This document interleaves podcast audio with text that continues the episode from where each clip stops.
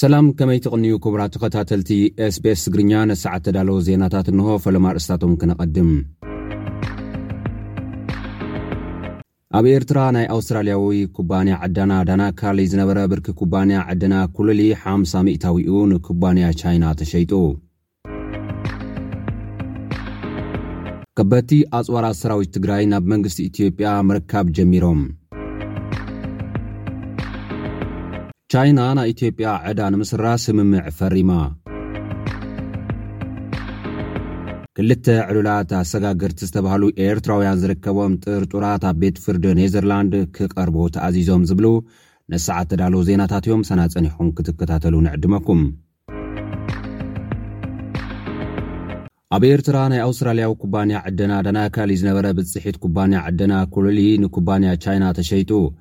ኣውስትራልያዊ ኩባንያ ዳናካሊ ኣብ ኩባንያ ዕደና ኩሉሊ ዝውንኖ ዝነበረ ሓምሳ ሚእታዊት ብርክታት ናብ ቻይናዊ ኩባንያ ሱቻን ሮድ ኣንድ ብሪጅ ግሩፕ፣ SRBG፣ ንምስግጋር ትማሊ ኣብ ሆቴል ኣስመራ ፓላስ ደምዳሚ ውዕል ምስግጋር ብርክታት ከምዝተፈረመ ተሰሚዑ'ሎ። መሰረት ውዕል ኩባንያ ዕደና ኮሊሊ ሓምሳ ሚእታዊኡ ብሃገራዊ ኮርፖሬሽን ዕደና ኤርትራ ሓምሳ ሚእታዊኡ ድማ ብኤስኣርቢጂ ዝውነን ኮይኑ ኣሎ። ዝሓለፈ ጥቅምቲ ናይ ኩባንያ ዳናካሊ ኣብ ኮሊሊ ዝነበሮ ሓምሳ ሚእታዊት ብጽሒት ንናይ ቻይና ትካል ዕደና ብሚእትን ስሳን ሽዱሽተን ሚልዮን ዶላር ክሽየጥ ከምኡ'ውን ንዝነበሮ ናይ ሰላሳን ሓደን ሚልዮን ዶላር ዕዳ ክኸፍል ኣብ ስምምዕ ከምዝተበጽሐ ኣብ መርበብ ሓበሬታ ዳናካሊ ዝወጸ ሰነድ ኣረዲኡ ነይሩ እዩ። ሕጂ ብኽንደይ ከም ዝተሸጠ ዝምልከት ንጹር ሓበሬታ የለን። ከበድቲ ኣፅዋራት ሰራዊት ትግራይ ናብ መንግስቲ ኢትዮጵያ ምርካብ ጀሚሮም። ሰራዊት ኢትዮጵያ ካብ ሰራዊት ትግራይ ተረኪቡ ከመሓድሮ ዝተቐበሎ ከበድቲ ተፅዋር ካብ ከተማ መቐለ ኣብ 36 ኪሎ ሜተር ርሒቑ ዝርከብ ኣብ መዓስከር ወተሃደራት ኣጉላዕ እዩ እቲ ምርኽኻብ ተሳሊጡ ዘሎ። ኣብቲ ስነ-ስርዓት ምርኻብ ናይ ዝተፈላለያ ሃገራት ወተሃደራዊ ተዓዘብቲ ከምተረኽቡን ተሰሚዑ። ጉጅለ ቁፅፅርን ምፅራይን ምትሕብባርን ሕብረት ኣፍሪካ መንጎ መንግስታት ትግራይን ኢትዮጵያን ዝተገብረ ስምምዕ ሰላም ስዒቡ ዝተውሃቦ ልእኽቶ ንምስላጥ ተግባራዊ ምንቅስቓስ ከምዝጀመረ እውን ገሊፁ ኣሎ። ኣባላት እቲ ጉጅለ ንጋዜጠኛታት ኣብ ዝሃብዎ መግለፂ ብመሰረት ዝተበፅሐ ስምምዕ ምርኽኻብ ከቢድ ኣፅዋር ከምዝተጀመረ ሓቢሮም። ኣብ ዝተውሃበ ጋዜጣዊ መግለፂ ኣባላት እቲ ጉጅለ ሓዊሱ ወከልቲ ወተሃደራዊ ኣመራርሓ ሰራዊት ትግራይን ኢትዮጵያን ዝተረኸቡ ኮይኖም ንተግባራውነት ስምምዕ ፃዕርታቶም ብቐፃልነት ከምዘሕይሉ ገሊፆም። እቲ ስምምዕ ሰላም ብቐፃልነት ተግባራዊ ንክኸውን ካልኦት ዝተርፉ ዓበይቲ ዕዮታትን ዕማማትን ከምዘለዉ ድማ ኣብቲ መግለፂ ተመላኺቱ'ሎ።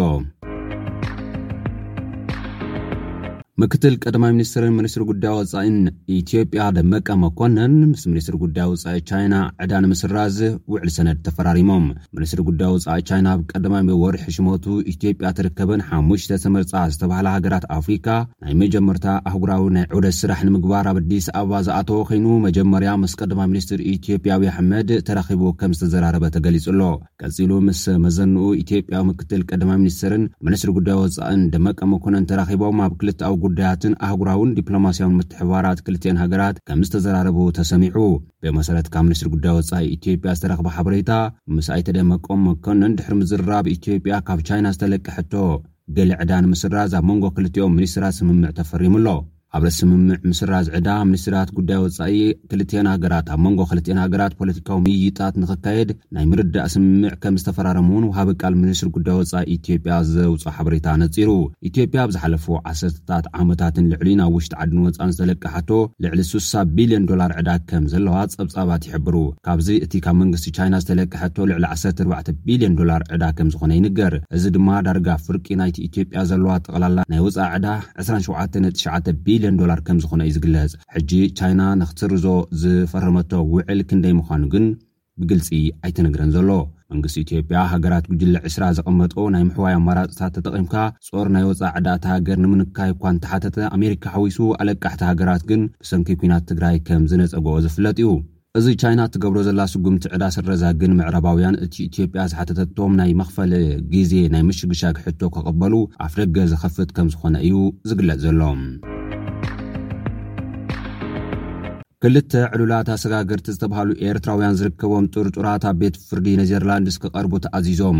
እቶም ክልተ ኤርትራውያን ዝርከቦም ሸውዓተ ጥርጡራት ብኣህጉራዊ ትካል ገበን ብዘይሕጋዊ ምስጋር ሰባት፣ ጭወያ፣ ቕትለት፣ ዓመጽ፣ ከምኡውን ካልኦት ገበናትን ዝኽሰሱ እዮም። ብመሰረት'ዚ ኣብ ዝሓለፈ ዓመት ኣብ ወርሒ ጥቅምቲ ኢትዮጵያ ኣሕሊፋ ዝሃበቶ ወዲ ሰላሳን ትሽዓተን ዓመት ኤርትራዊ ኣብቲ ዝወዓለ ቀዳማይ መዓልቲ ምስማዕ ጉዳያት ቅድመ ፍርዲ ብቐዳምነት ጉዳይ ክሱ ክሰምዕ ውዒሉ ኣሎ።